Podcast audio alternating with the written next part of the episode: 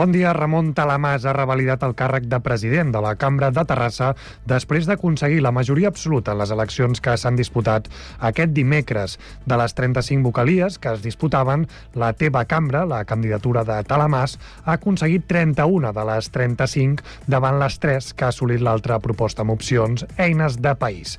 Queda en joc la vocalia número 35, que es disputen les dues candidatures arran d'un empat tècnic que es resoldrà per sorteig en una reunió de la Junta Electoral abans del 2 d'octubre. El plenari tindrà presència d'empreses santcugatenques amb vocals com Joan Franquesa, de Sant Cugat Empresarial, i Eduard Rollo, d'Anàlisi Química, entre d'altres. L'eix del futur de la mobilitat en bicicleta depèn molt de la seguretat, ho diuen des de l'Assemblea de la Bici en la Setmana Europea de la Mobilitat Sostenible i Segura que se celebra durant aquesta setmana i ja es tancarà divendres amb el dia sense cotxes. De fet, aquesta tarda del 22 de setembre, l'entitat organitza la pedalada Dóna-li la volta a l'Anella Verda, una acció que sortirà a les 6 de la tarda des de la plaça de Lluís Millet i que donarà voltes per aquest eix de la ciutat que consideren li manca seguretat. Ernest Vidal i Samuel Navarro, membres de l'associació, han participat aquesta setmana en el programa Entitats de Cugat Mèdia. Els Mossos d'Esquadra, la Guàrdia Urbana de Barcelona, la Policia Nacional i la Guàrdia Civil han dut a terme un dispositiu a diverses poblacions de Madrid i Catalunya, entre elles Sant Cugat, contra una xarxa criminal organitzada de comerç il·legal d'animals de companyia, a la qual s'atribueixen diversos delictes continuats de maltractament animal, estafa, falsedat documental, intrusisme professional i blanqueig de capitals. Al municipi, els Mossos han confirmat a Cugat Mèdia que han fet una entrada aquest dimecres al matí a una botiga d'animals, però no han donat més informació perquè el cas està sota secret d'actuacions.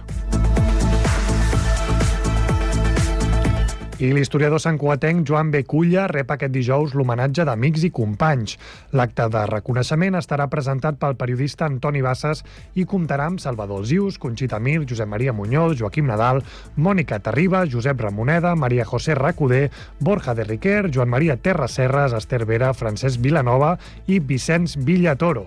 La trobada, que té les entrades exaurides, tindrà lloc a dos quarts de set de la tarda al CSCB de Barcelona.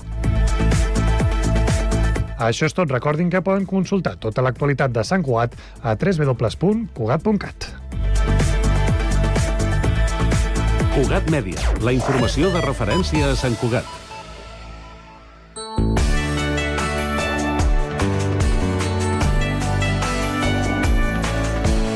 Ràdio Sant Cugat, Cugat Mèdia, 91.5 FM.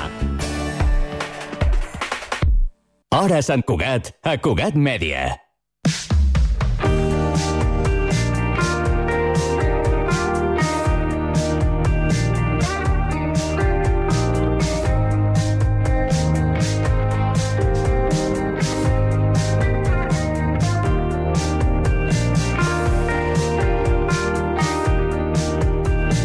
La nostra pròxima convidada és actriu, santcugatenca i una cara que ha popularitzat el programa de TV3 Polònia. Pròximament la podrem veure al Teatre Condal de Barcelona amb l'obra La noche de los muertos vivientes, que s'estrena divendres de la setmana que ve. Amb ella n'ha parlat César Martínez. Ens acompanya una de les cares conegudes de la petita pantalla catalana i dels teatres del país. L'hem vist en sèries i obres i ara el programa de TV3 Polònia. És la Nessa Vidaurrazaga, actriu i santcuatenca, d'aquelles que diríem de Sant Cugat de tota la vida. Benvinguda a Cugat Mèdia. Hola, què tal? Deixa'ns que primer t'ho preguntem. D'on ve aquest cognom?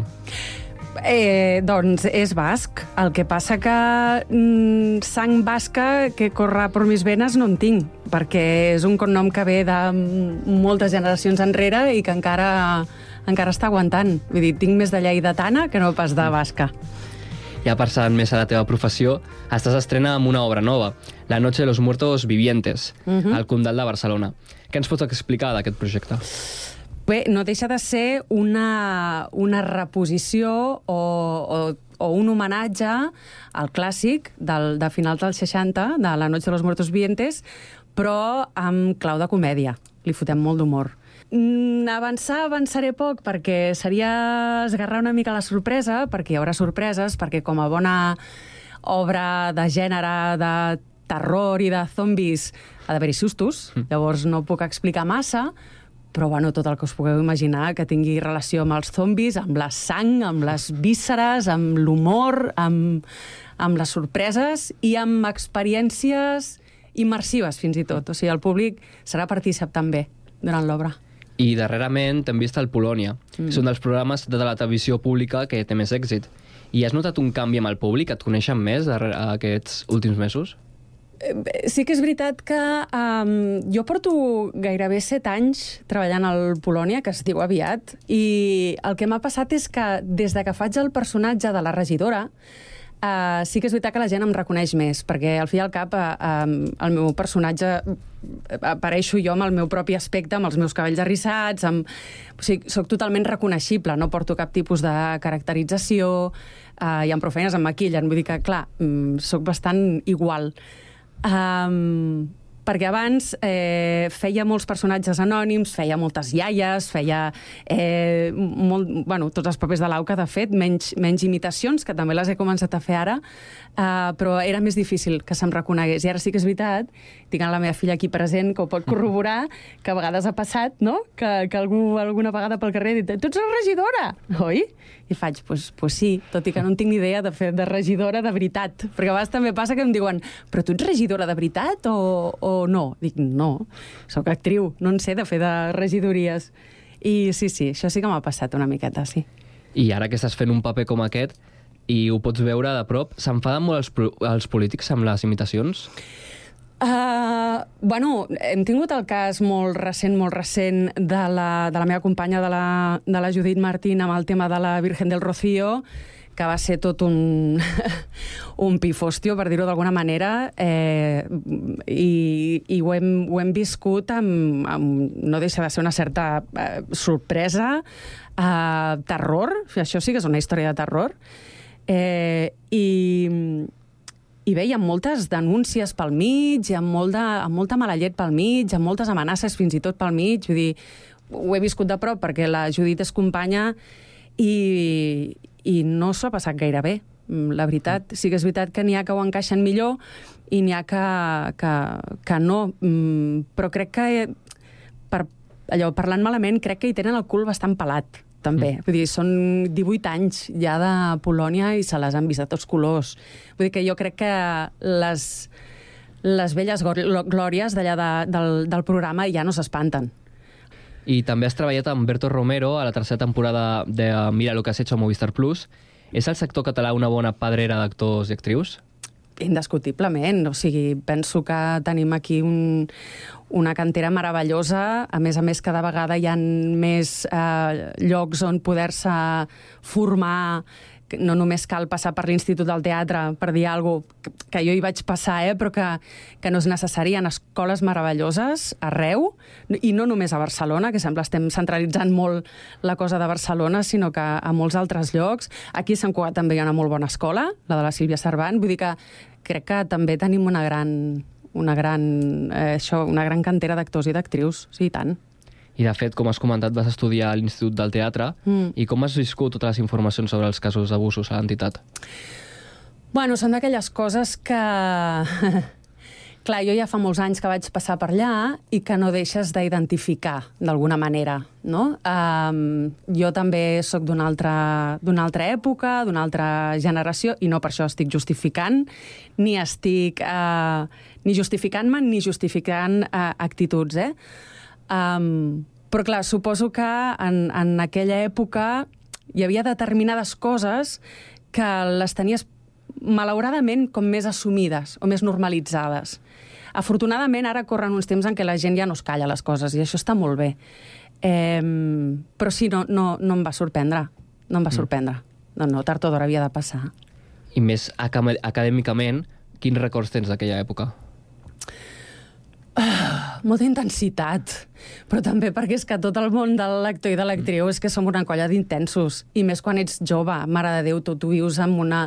Sembla que sigui vida o muerte, no? Després, amb els anys, aprens i relativitzes i, i, i, i comences a guanyar amb, amb, amb, amb experiència i amb, i amb una certa calma. És, és una professió que també dona per, per viure les coses així, però per la seva pròpia natura. També és una professió molt inestable, eh, on hi ha molta competència, on no hi ha feina per tothom, i una mica aquesta sensació d'estar fent allò una carrera i traient la llengua en fora i de que has de ser el millor, has de ser la millor Hosti, eh, aquells anys d'unir o de, o de això de, de carrera van ser, van ser intensos, van ser convulsos, van ser preciosos, però alhora van ser el fonament de moltes coses. Eh, tinc un bon record agradols.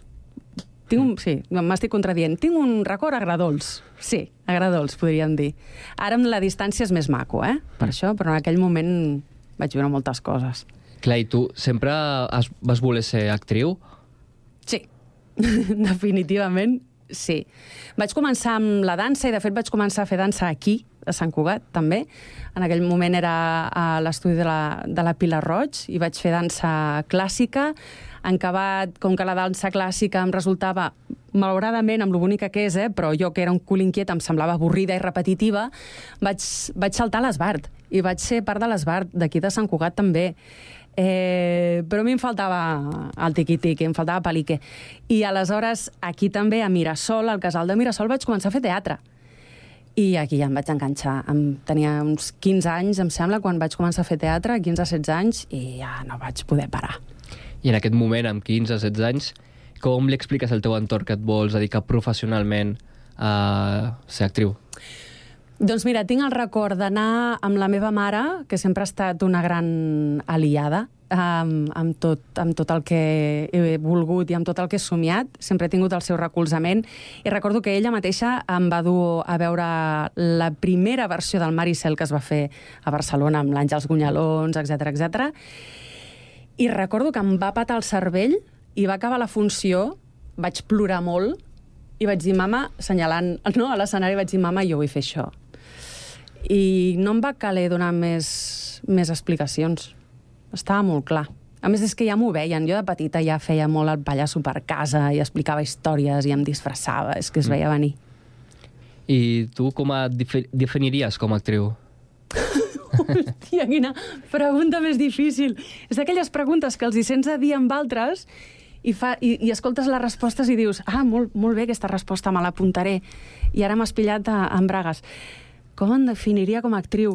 Uh, mira, no ho sé ni mètodes ni hòsties. Vull dir, perdó, uh, soc molt juganera. O sigui, soc, de, de, com a actriu, sóc com molt fidel a lo que és l'art de l'actuació. Així com en altres idiomes, uh, uh, actuar, no? amb l'anglès mateix, és el, el to play. Eh, jo crec que sóc... Um, bueno, em sento com més familiaritzada amb aquesta manera d'entendre aquesta professió que una altra cosa. Llavors, jo crec que a partir d'aquí una mica el que m'echen. M'agrada fer de tot, m'agrada fer comèdia, evidentment, però sobretot el que m'agrada és jugar, ser, ser proactiva, ser creativa, uh, no esperar que se'm digui sempre el que haig de fer, sinó poder proposar, mirar de fer-ho de més maneres, anar buscant... M'agrada estar activa sempre.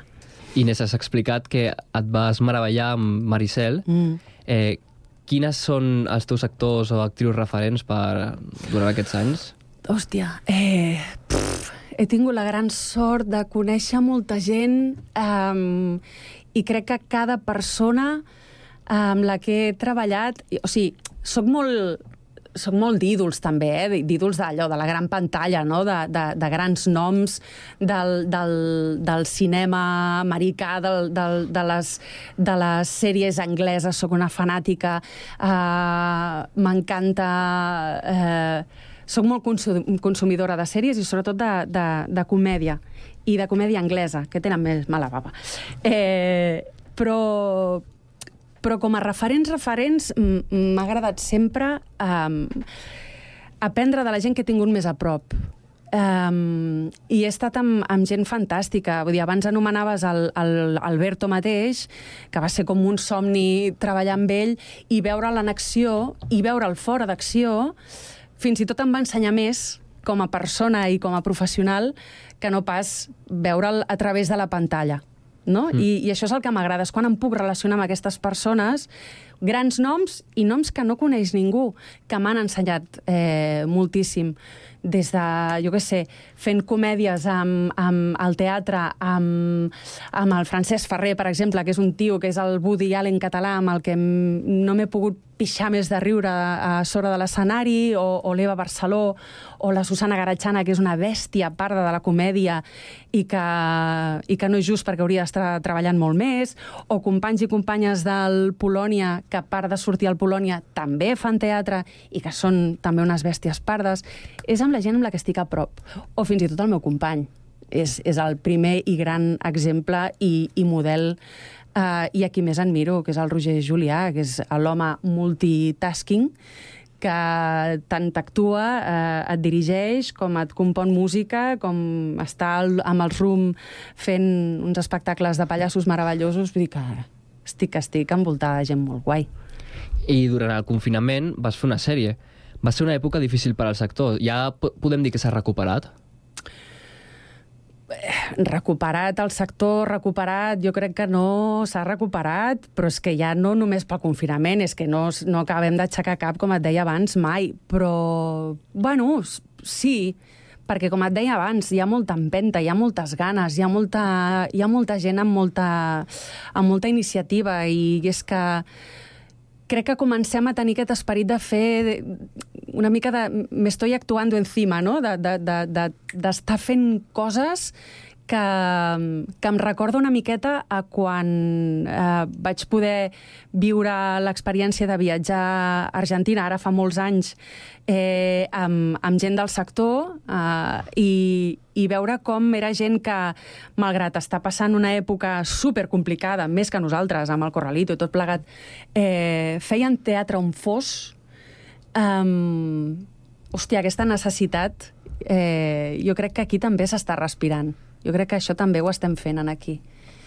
Per tant, sí, recuperar... Bueno, sempre ens recuperem, sempre acabem aixecant el cap. I amb els anys que tens de carrera, tens algun projecte que t'hagi fet especial il·lusió haver fet? Pues és que et parlaré de l'actualitat. Ara mateix està fent aquest projecte de, de la noche. Eh, és una cosa que em, em, em flipa molt perquè és una cosa que, a part de ser una producció molt gran, eh, de focus, que es fan al Teatre Condal, amb un aforament molt bèstia, és que, a més a més, estem fent una cosa que no s'ha fet mai encara, que és estar barrejant el gènere del, del terror i, de, i específicament dels zombis en teatre. I això o, o, o lo petamos o ens n'anem a la merda. I jo crec que ho petarem, perquè, perquè realment la proposta que s'està treballant és molt xula, crec que està oberta a un ventall molt ampli de públic, no només pels que estan acostumats a anar al teatre com a espectadors, sinó per tota aquella gent que no va al teatre però que és fan del gènere.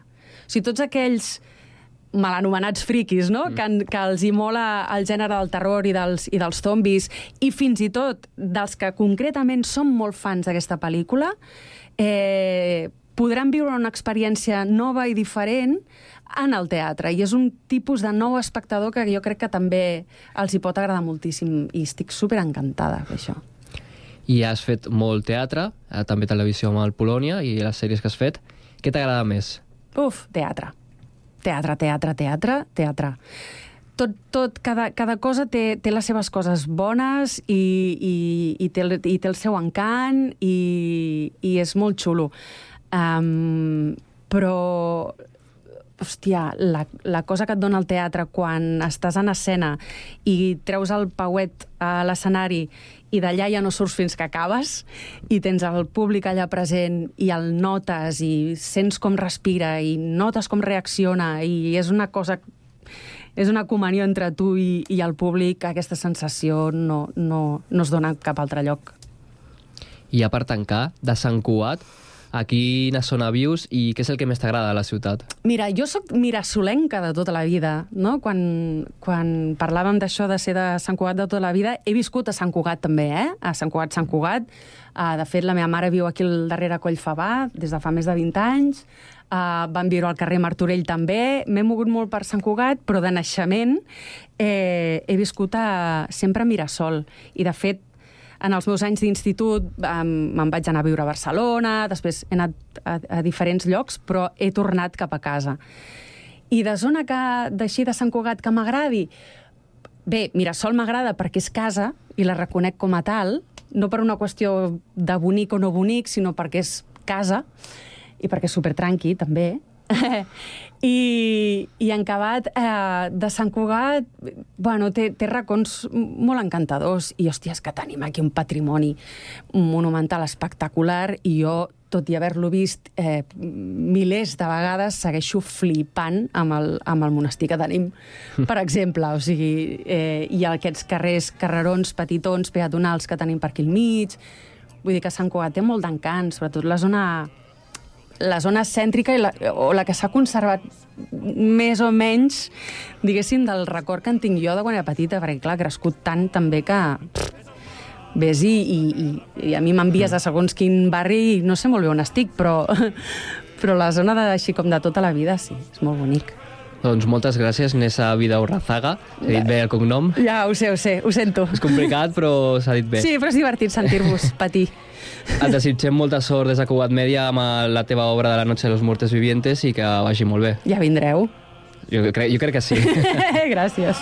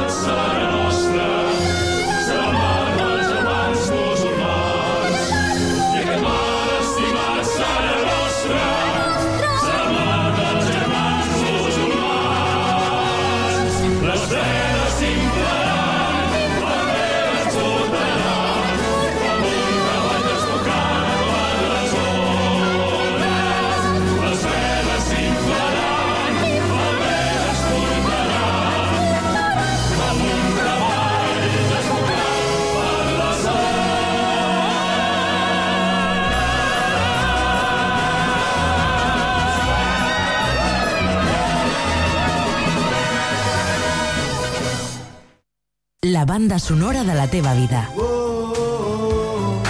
Rainy days never say goodbye to desire when we are together.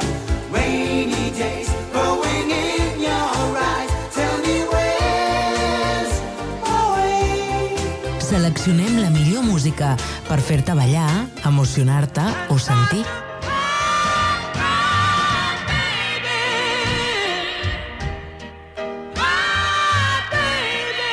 Música a Ràdio Sant Cugat. No és el mateix ser els integrants del millor grup de la història que ser el millor grup de la història. Per això, el grup català Occident serem Occident, perquè per continuar assegurant-ho tot, tot i tot, ens havíem d'ajuntar tots, tots i tots.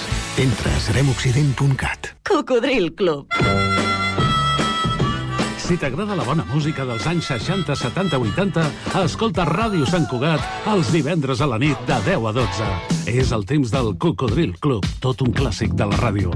Recorda, divendres, de 22 a 24 hores, a Ràdio Sant Cugat, 91.5 FM. Cocodril Club, el programa revival de l'Albert Malla. Hasta luego, cocodrilo. No pasaste de caimán. Hasta luego, cocodrilo. Ràdio Sant Cugat. 91.5 FM. Hora Sant Cugat, a Ràdio Sant Cugat.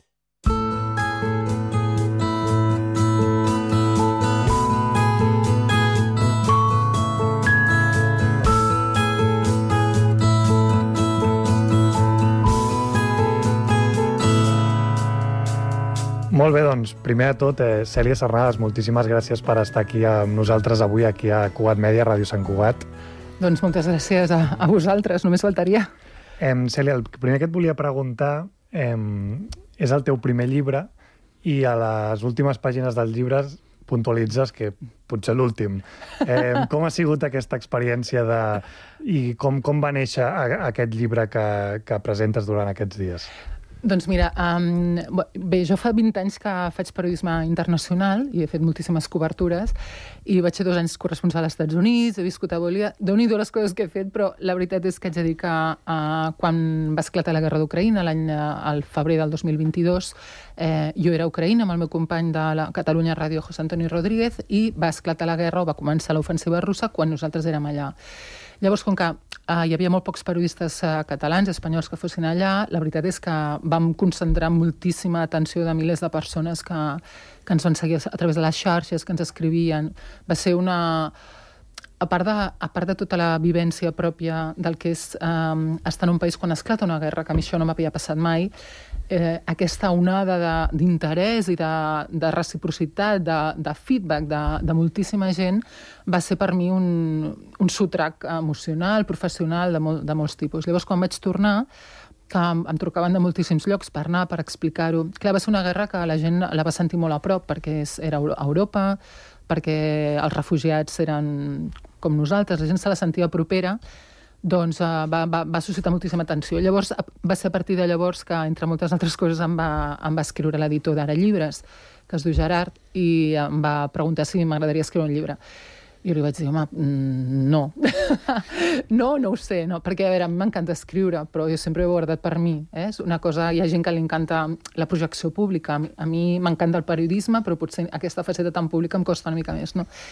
I llavors és veritat que amb la meva família, amb el Gerard i tal, vam comentar i vam dir, ostres, doncs potser, per què no? no? És una, una experiència que, primer, que t'encanta escriure, segon, que després de 20 anys de cobertures, que fa exactament 20 anys que vaig fer la primera a Iraq i Síria, doncs has acumulat molt bagatge, moltes històries, moltes coses que no has pogut explicar i també passades pel tamís del temps, no? d'aquests 20 anys, tens una perspectiva de la professió i del món, potser també jo he estudiat Relacions Internacionals, vull dir que potser pots aportar alguna cosa. Llavors vaig decidir fer-ho.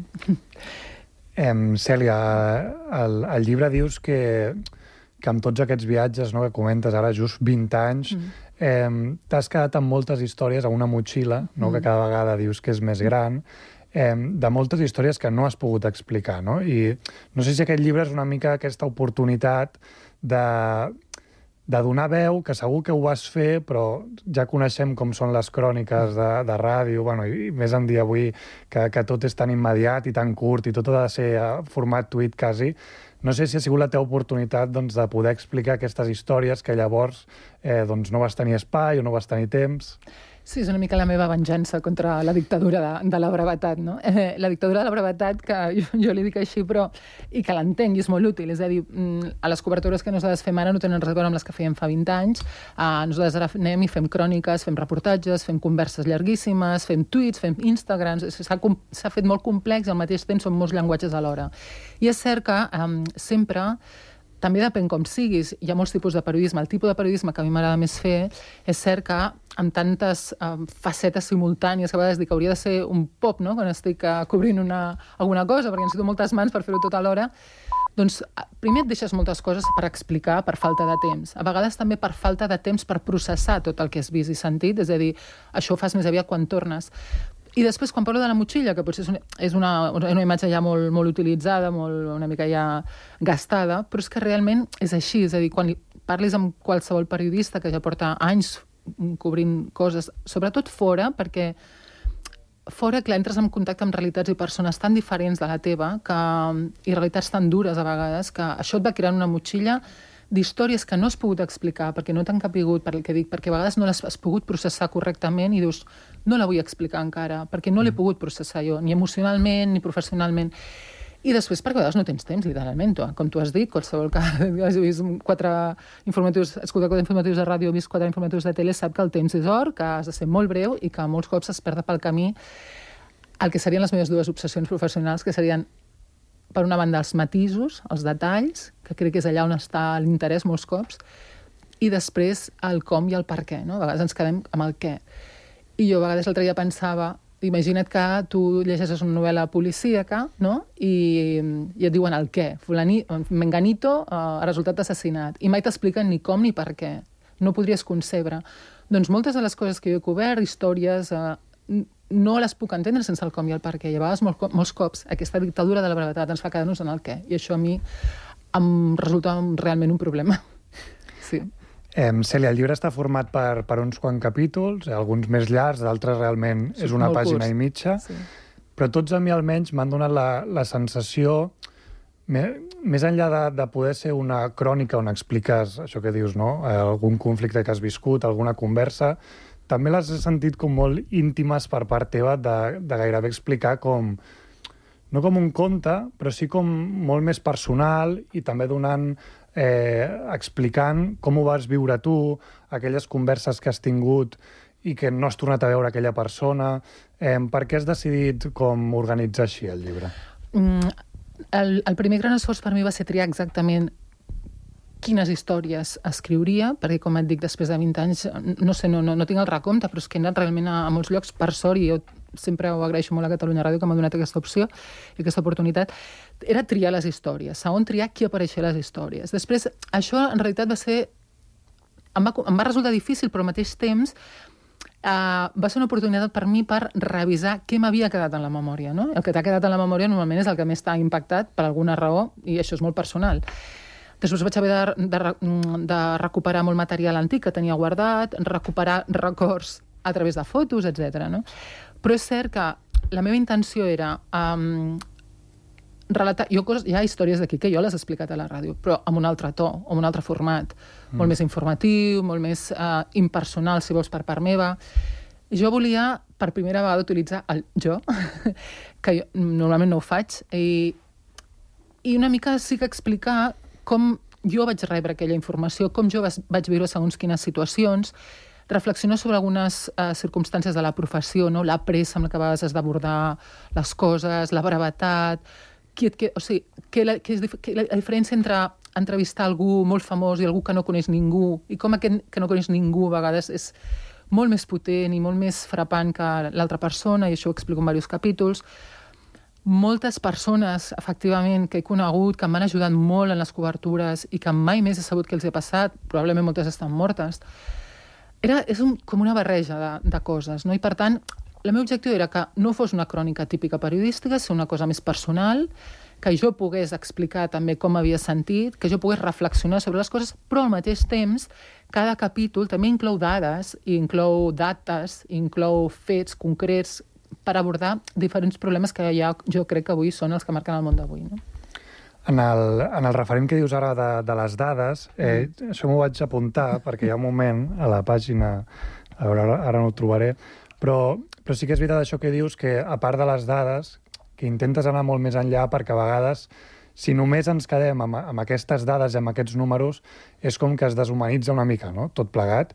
I, I sí que és veritat que amb el llibre, tot i que, repeteixo, té, té aquesta t'aporta aquestes dades de, de crònica periodística, de, encara que sigui curt, doncs et pots fer una idea no? també d'aquests conflictes que, que has anat a cobrir, però, però va més enllà no? de només números i de han mort tantes persones Mm. mentre manava tal senyor.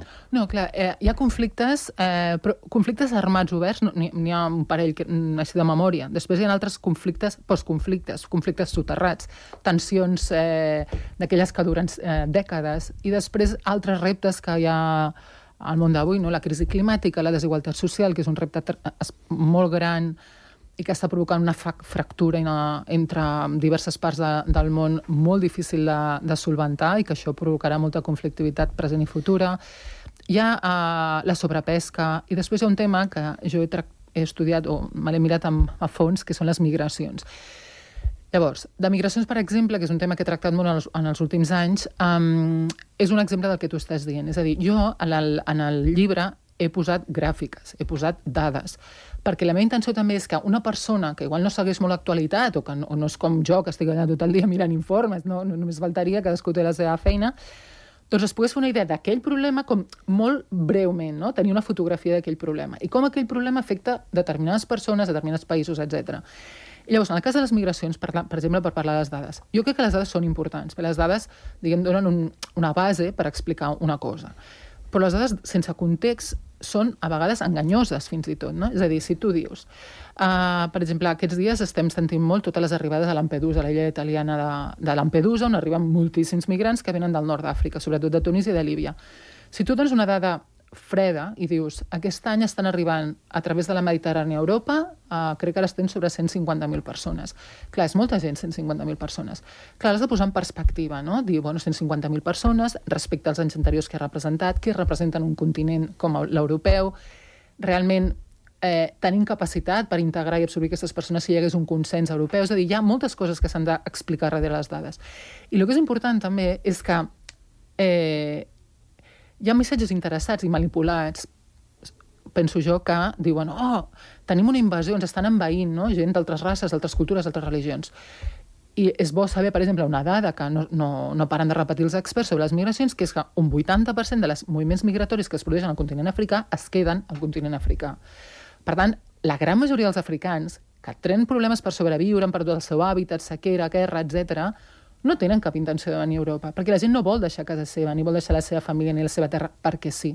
Llavors això és el que hauríem d'entendre. I jo crec que aquest context ens ajuda a entendre molt més la, les, les coses, els fenòmens, que no una dada sola, que allà sola doncs, no crec que expliqui gaire res. Em, tornant, eh, Cèlia, al, al fet de, que has comentat abans de, de poder parlar amb persones anònimes, però que al final el seu relat a vegades acaba sent més potent que, com deies, no, d'algú famós o algun càrrec, etc.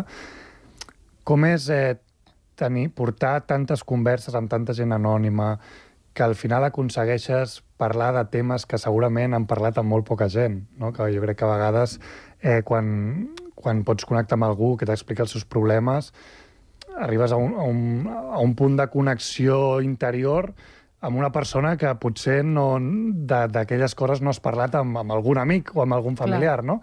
Però com és després deixar-ho i no saber res més d'aquella persona? Clar, és, és, això sí que jo ho vaig voler tractar en el llibre perquè per mi això a vegades ha estat molt difícil. Um, per exemple, en el capítol de Bòsnia parlo, no?, la diferència entre, mina, entre entrevistar amb, amb la presidenta de les Mares de Srebrenica, que és, un, és molt famosa i, i compareix contínuament a fòrums internacionals i l'entrevisten contínuament, o parlar amb una senyora que tenia una botigueta a Srebrenica, que, si, bueno, si no ho recordeu, doncs va ser escenari d'una de les pitjors matances de la guerra de, de Bòsnia. Doncs la diferència, l'empremta que això va- deixar a mi, i com jo me'n recordo sovint d'aquella senyora que tenia aquella botigueta, i m'ha quedat a dins per la seva tristor, per, la seva, per com explicava la, una història que era horrorosa. I, i clar, jo, per mi hi ha hagut moments que m'he sentit realment malament, no? perquè quan parlo de la pressa o de, o de, o de les exigències del periodisme d'avui, que, clar, quan tu has de fer un tuit que és tan curt, la vida és molt blanc o negre a Twitter, saps? Sempre, clar, perquè no tens temps de matisar. I, i com reculls moltes coses que t'expliquen amb, amb una visió tan blanc o negra de, del món. Per mi és molt difícil fer això. I llavors, mm, aquelles persones que en un moment donat han decidit confiar en tu, malgrat que no et coneixen absolutament de res, que a vegades hi ha una barrera idiomàtica, cultural, socioeconòmica, mm, enorme, jo a vegades aquella barrera realment no es pot creuar, és molt difícil. Jo, per exemple, parlo quan vaig visitar el camp de refugiats de Dadaab, que és un camp de refugiats dels més grans del món, que està a la frontera entre Kenya i Somàlia, i ja fa anys, això l'any 2007, me'n recordo que quan anàvem caminant pel camp de refugiats amb el José Antonio, que és aquest, el meu company que és tècnic, i hem fet alguns viatges junts, hi havia tota la gent ens mirava i jo pensava, què deuen pensar de nosaltres, aquests dos blancs aquí passejant-se per aquest camp? Que en realitat era com ridícul, jo penso, per ells devíem ser mig ridículs.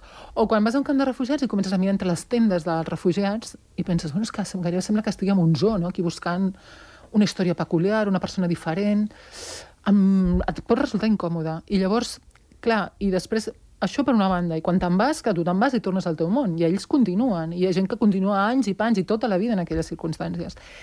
I després hi ha la gent que t'ha ajudat desinteressadament. I en aquesta jo necessito diverses, diverses al llibre i moltes que no surten, però al final hi ha un agraïment generalitzat perquè no ho hagués pogut fer sense aquestes persones. És a dir, si jo quan vaig arribar a Líbia en plena revolta contra Gaddafi, que era una situació de conflicte, va haver un noi, Ahmed, que voluntàriament em va ajudar, em va guiar, em va explicar, em va traduir, a canvi de res, jo no hagués pogut treballar sense ell. O quan vaig anar a Síria hi ha un, un capítol molt curt, perquè hi ha 10 molt llargs, més llargs i 7 molt, molt curts. Mm. I aquests molt curts són la seva, una imatge o una persona, depèn, no? Doncs el guia que vaig tenir quan vaig anar a Síria durant la guerra d'Iraq, que es deia Samir, doncs però no sé ni si està viu. I clar, jo, clar que penso en ell i no sé què, què se n'ha fet. Un d'aquests capítols curts, crec que és el, el primer, si no recordo malament, Mm. en què expliques que estàs a un autobús sí. als Estats Units i crec que és la conductora del bus que et diu però tu et paguen per fer això. I, I ho volia relacionar més endavant el capítol en què expliques que fas un tallers de, de periodisme, Sí. una mica eh, la, el contrast entre que et preguntin si a tu et paguen per fer això, després la teva experiència fent aquell taller on, on tu anaves com amb unes expectatives, no? però després et vas trobar que la gent d'allà, doncs, la seva realitat i les seves necessitats segurament eren un, unes altres. Com veus la, la funció del periodista corresponsal, no? que això, que va d'un lloc a l'altre cobrint diferents eh, conflictes amb els que intenten fer de periodista eh, i que són locals, perquè potser nosaltres ho tenim més normalitzat a, a Europa, a les democràcies europees, però fer de periodista segons a quins llocs on has anat, quasi que no sé si és una quimera o, o gairebé és impossible. Bé, la, el primer capítol el vaig posar aquell de la... Era una conductora afroamericana de, de Selma, al sud dels Estats Units, perquè va ser o sigui, una situació... Clar, ella, jo estava entrevistant una senyora dintre l'autobús i la dona es gira i em diu però tu realment et paguen per fer això? Com dient, però com pot ser que et paguin per fer aquesta xorrada, no? I clar, per mi va ser... Sempre m'he recordat d'aquell moment, perquè és que no vaig saber què contestar. O sigui, em vaig quedar així, que a més una dona aquestes grans, allò, no?, que imposen. I vaig pensar, ostres, doncs potser té raó que ens hauríem de preguntar, no? I la veritat és que és veritat que a vegades sense et paguen per fer això, perquè, uh, a veure, jo m'ho prenc molt en sèrio. És a dir, per mi és molt uh, la funció que el tipus de periodisme que jo faig i que afortunadament he triat i m'han deixat fer és un periodisme que intenta explicar les coses. Hi ha altres periodismes, no sé, tots tenim el referent del Watergate al camp, no? que intenten destapar xarxes de corrupció, espionatge, etc. Clar, és un periodisme molt important aquest i molt, molt bàsic a la societat. A mi m'agrada explicar el perquè de les coses i per això has d'intentar fer-te una idea el més global possible. Clar, jo tinc els mitjans, tinc el suport d'un mitjà darrere meu, tal, per poder fer això, i després també amb la pràctica i els anys doncs, vas, vas desenvolupant doncs, tècniques i bueno, formes d'acostar-te a la gent, etc. Però clar, quan tu vas a, a un escenari, en aquest cas que explicaves era Bolívia, que jo vaig viure allà un any com a formadora de periodistes, treballant per una fundació dels Estats Units, clar, el primer dia que arribes a una escola allà mm, rural, plena de, una aula plena de gallines i amb una pissarra de guix i tu vas allà amb els teus cànons periodístics i tens allà quatre nois que en saben absolutament de què els estàs parlant, clar, per mi allò va ser una lliçó accelerada i enorme de, del món.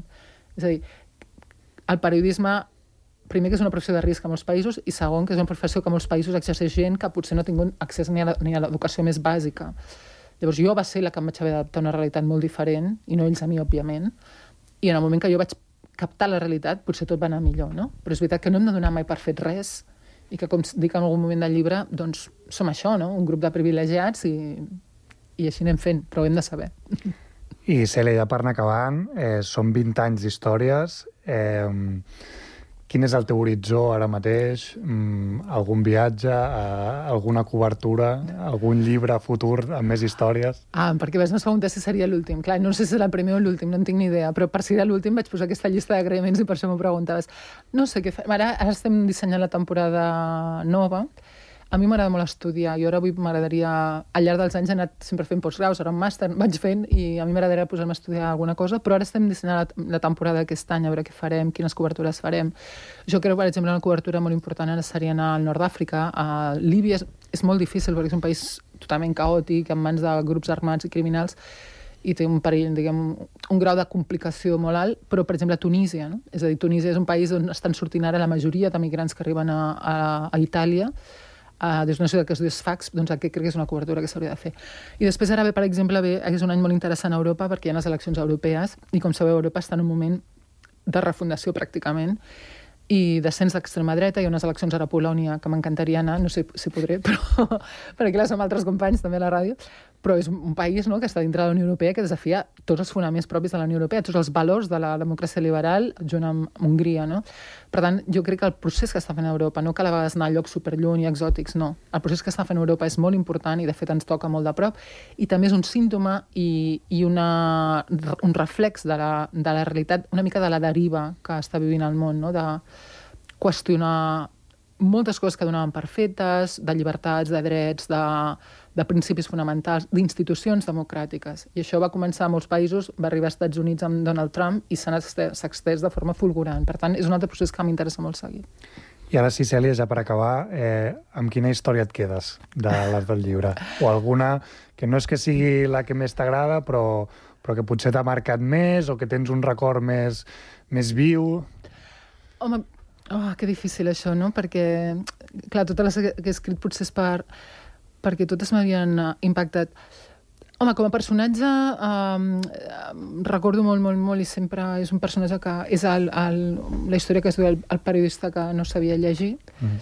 uh, personatge protagonista que és aquest periodista uh, sempre m'ha marcat molt perquè era un periodista que no sabia llegir literalment i, i també una que hi ha al final de tot d'uns uh, migrants uh, de Mauritània que vaig conèixer a les Canàries i, mira, quan parles amb migrants i refugiats, el grau de desesperació sempre és molt alt, val? perquè, com deia, la gent no ve perquè sí, la gent té unes històries de darrere, però aquell noi era la seva perplexitat de pensar que havia arribat a Europa, que eren les Canàries, i que ningú li feia cas, i que ningú el volia, i que no sabia, ja no, era, no, es, no, es, no es veia...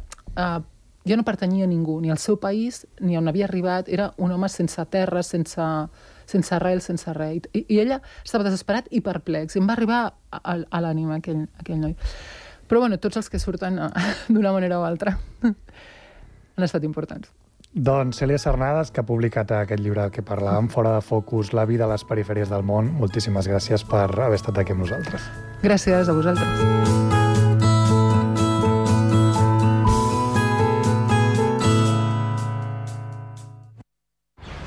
Estàs pensant a posar plaques solars a casa teva?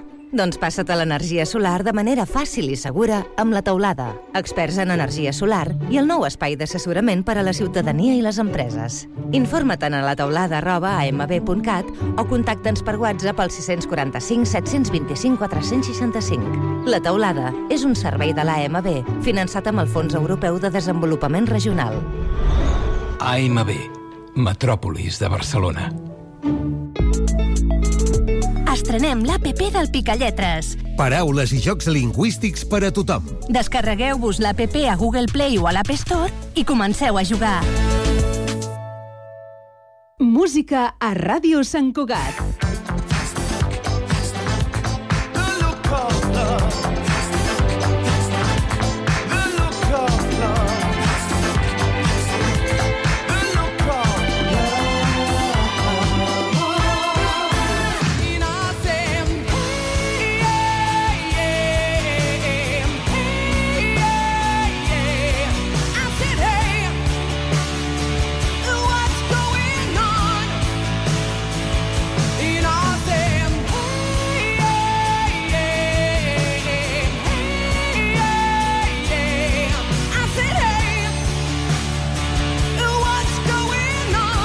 Gaudeix de la música amb nosaltres.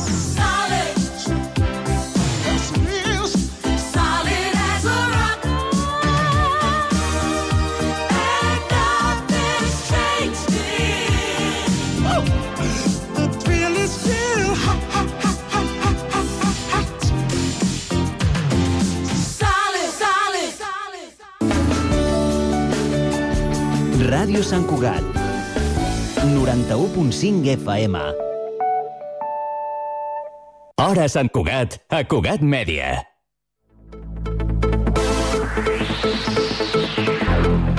L'altre esport, amb Eli Jiménez.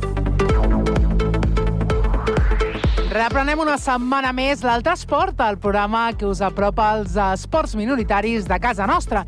I avui, en aquest segon programa de la temporada, parlarem de curses contra el càncer al país, que en són moltes i molt disseminades pel territori.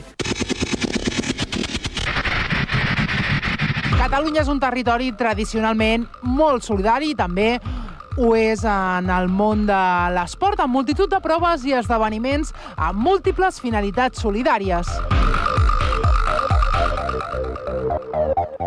Les causes que més proves acull és la lluita contra el càncer.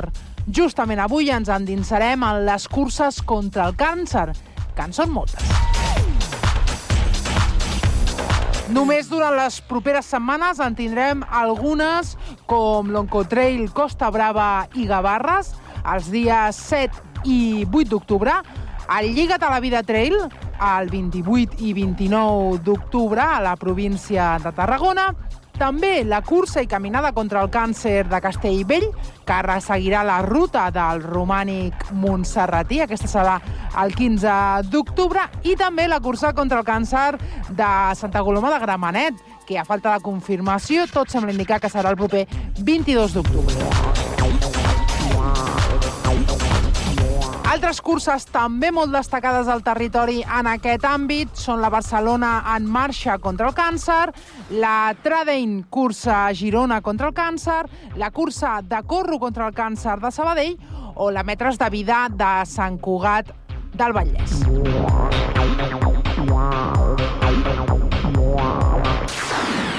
I avui, per posar un exemple de les moltíssimes propostes que tenim arreu del país, parlarem de la cursa contra el càncer de l'Arbós, que se celebrarà el proper 1 d'octubre. Per fer-ho, hem conversat amb el Miguel Ángel del Río, el regidor d'Esports de l'Ajuntament de l'Arbós.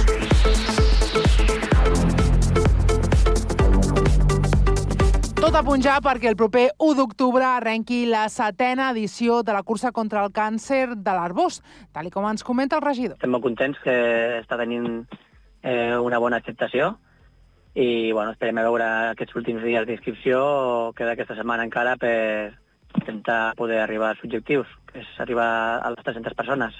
Ara mateix, eh, si no vaig errat, estem entre 205 o, 200, o 210 participants. Sí que és veritat que teníem una promoció d'una samarreta més, més personalitzada, més a, a full color, una mica, una mica més, de, més qualitat, ¿vale? i, i llavors aquesta promoció ha donat el seu fruit. Una cursa que arriba de la mà de diferents modalitats, una marxa, una cursa competitiva i també curses infantils. Doncs mira, tenim la, la modalitat de marxa, que és la caminada de 5 quilòmetres, ¿vale? després tenim la, la cursa competitiva de, de 5 quilòmetres, que és el mateix circuit, i després tenim eh, les curses infantils, que començaran a la, a la Rambla Gener i finalitzaran al, al carrer Major, davant de l'Ajuntament. Seran curses per a, per a com, a, com a tres curses, ¿vale? eh, el que seria les categories de- d'educació infantil, del primer cicle de primària i del segon cicle de prim- de primària. Ja seria pues, a tres anys fent tres, tres distàncies. Una distància de 200 metres, una altra de 400 i una altra de 600 metres. Les novetats d'enguany ens les explica el Miguel Ángel. Bueno, el que hem fet ha sigut, eh, hem canviat la, la, la carrera familiar d'un quilòmetre, que era la Run Colors, la Holy, Holy Colors. Eh, bueno, eh, hem decidit tornar als inicis i fer curses més curtetes perquè intentarà potenciar eh, el que és el foment de, de la iniciació de les curses tipus amb les distàncies com a cross escolar. Llavors, intent, així d'aquesta manera potser podem donar cabuda a, a més participació i, que hi hagi més èxit de, a la convocatòria de lo que és tot, tot l'esdeveniment. Novetat destacada també la incorporació del dorsal 0. Sí, sí, enguany hem, hem fet la modalitat dorsal, dorsal 0, que, que, bueno, que costa 12 euros, i el que, el que em dona dret és a rebre la samarreta, i, i, bueno, i amb aquesta aportació de 12 euros col·laborem en, la causa. Eh, ahir ho vaig mirar ahir a la nit i de moment només quatre persones han optat per aquesta via. Mhm. Sí que és cert que hi ha gent que diu ah, vull comprar la samarreta, vull comprar la samarreta, que m'agrada molt. Si no participo, com puc fer per, per aconseguir la samarreta? Jo els, els, hi, els hi convido que, que s'apuntin al dorsal zero. Han de pagar 12 euros, que és el mateix cost a participar a la caminada, ni que a la caminada, pues, si, si participa a l'esdeveniment, gaudeix de, del dia familiar esportiu aquí a la vila, i qui no, perquè potser no pot, doncs almenys, bueno, rep el, rep el que és la samarreta de recordatori i col·labora amb la causa. Els beneficis de la prova aniran directament destinats a l'associació AFANOC i al seu projecte de la Casa del Xuclis. Estem repetint la, la, la mateixa associació que fa dos anys, que és l'associació AFANOC, vale? que bueno, el seu lema és implica't amb els nens amb càncer. Eh, aquesta associació col·labora amb, amb, la, amb el que seria el descans i el suport psicològic de les famílies que tenen nens i nenes hospitalitzats a, l'Hospital Vall d'Hebron de, de Barcelona. Eh, ells, bueno, ja existeix una casa que es diu Casa de, dels Xuclis, vale? que és la casa on, on poden descansar les famílies que tenen els nens i les nenes per desgràcia estan hospitalitzats al, al Vall d'Hebron. Llavors és un suport de descans i també suport psicològic perquè hi ha famílies que no, pot, no, no, no són de Barcelona, potser són de Terres de l'Ebre i, bueno, mm, per poder una mica conciliar familiarment les visites als seus fills o les seves filles. Llavors l'Ajuntament el que fa és col·laborar amb la compra d'articles de la seva botiga, que és un complement de la bossa del corredor dels participants, ja sigui corredors o siguin, siguin de la marxa. Eh, enguany eh, hem volgut eh, a, a comprar uns, uns vanos, vale? Mhm. l'únic que bueno, ens hem trobat que no hi ha prou estoc per No. poder aconseguir 300 vanos i sí que tindrem eh, 120 vanos a disposició i la resta serà eh, la tercera edició que fem fos la, el programa de Posa't la gorra, no? Mhm. eh, és una, una gorra i un bolígraf. Llavors, eh, bueno, segons vagin arribant els participants, donarem a escollir o, o vanos o gorres més bolígraf. Vale? Mhm. Perquè l'import del, dels vanos són 5 euros Mhm. i és la part de col·laboració de la inscripció 5 euros van destinats a la compra d'aquests articles. S'imaginava el nostre convidat l'èxit i la continuïtat d'aquesta iniciativa el primer any? Bueno, la veritat és que quan ho muntes les coses eh, el que vols és que hi hagi continuïtat i sí que és veritat que hem tingut molta sort que el poble sempre ha respost i podem dir que estem en una cursa consolidada. Sí que és cert que la cursa que va tenir més participació va ser l'any 2019, que vam tenir més de 400 persones, poc més de 400 persones, però bueno, enguany encara queden uns, quants dies per, per, fer per acabar l'inscripció, que, es- que es finalitzen aquest diumenge 24 de setembre, i bueno, eh, encara pot ser que jo crec que sí que superarem les expectatives, que és almenys eh, arribar als, als 300 participants. Parlem també de la recollida de dorsals. Sí, la recollida de dorsal serà el dia previ, que és el dissabte 30 de setembre, ho farem per la tarda a l'Auditori de la Casa de Cultura, vale? i també donarem l'opció per la gent que és de fora o qui no pugui dissabte a la tarda de poder venir de, tres quarts de set o de tres quarts de vuit a tres quarts de nou eh, del matí per poder recollir el que és la bossa de participant.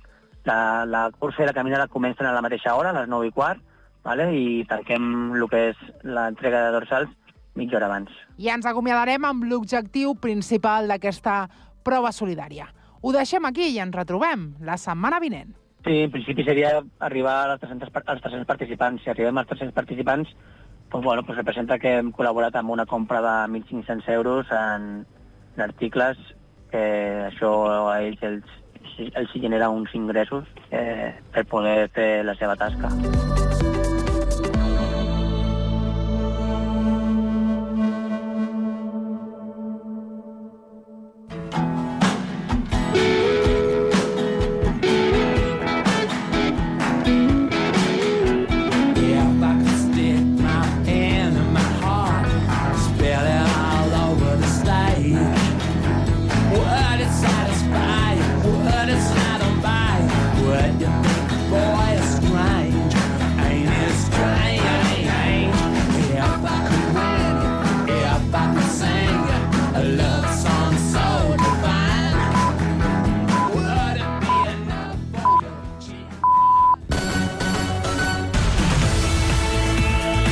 Sant Cugat.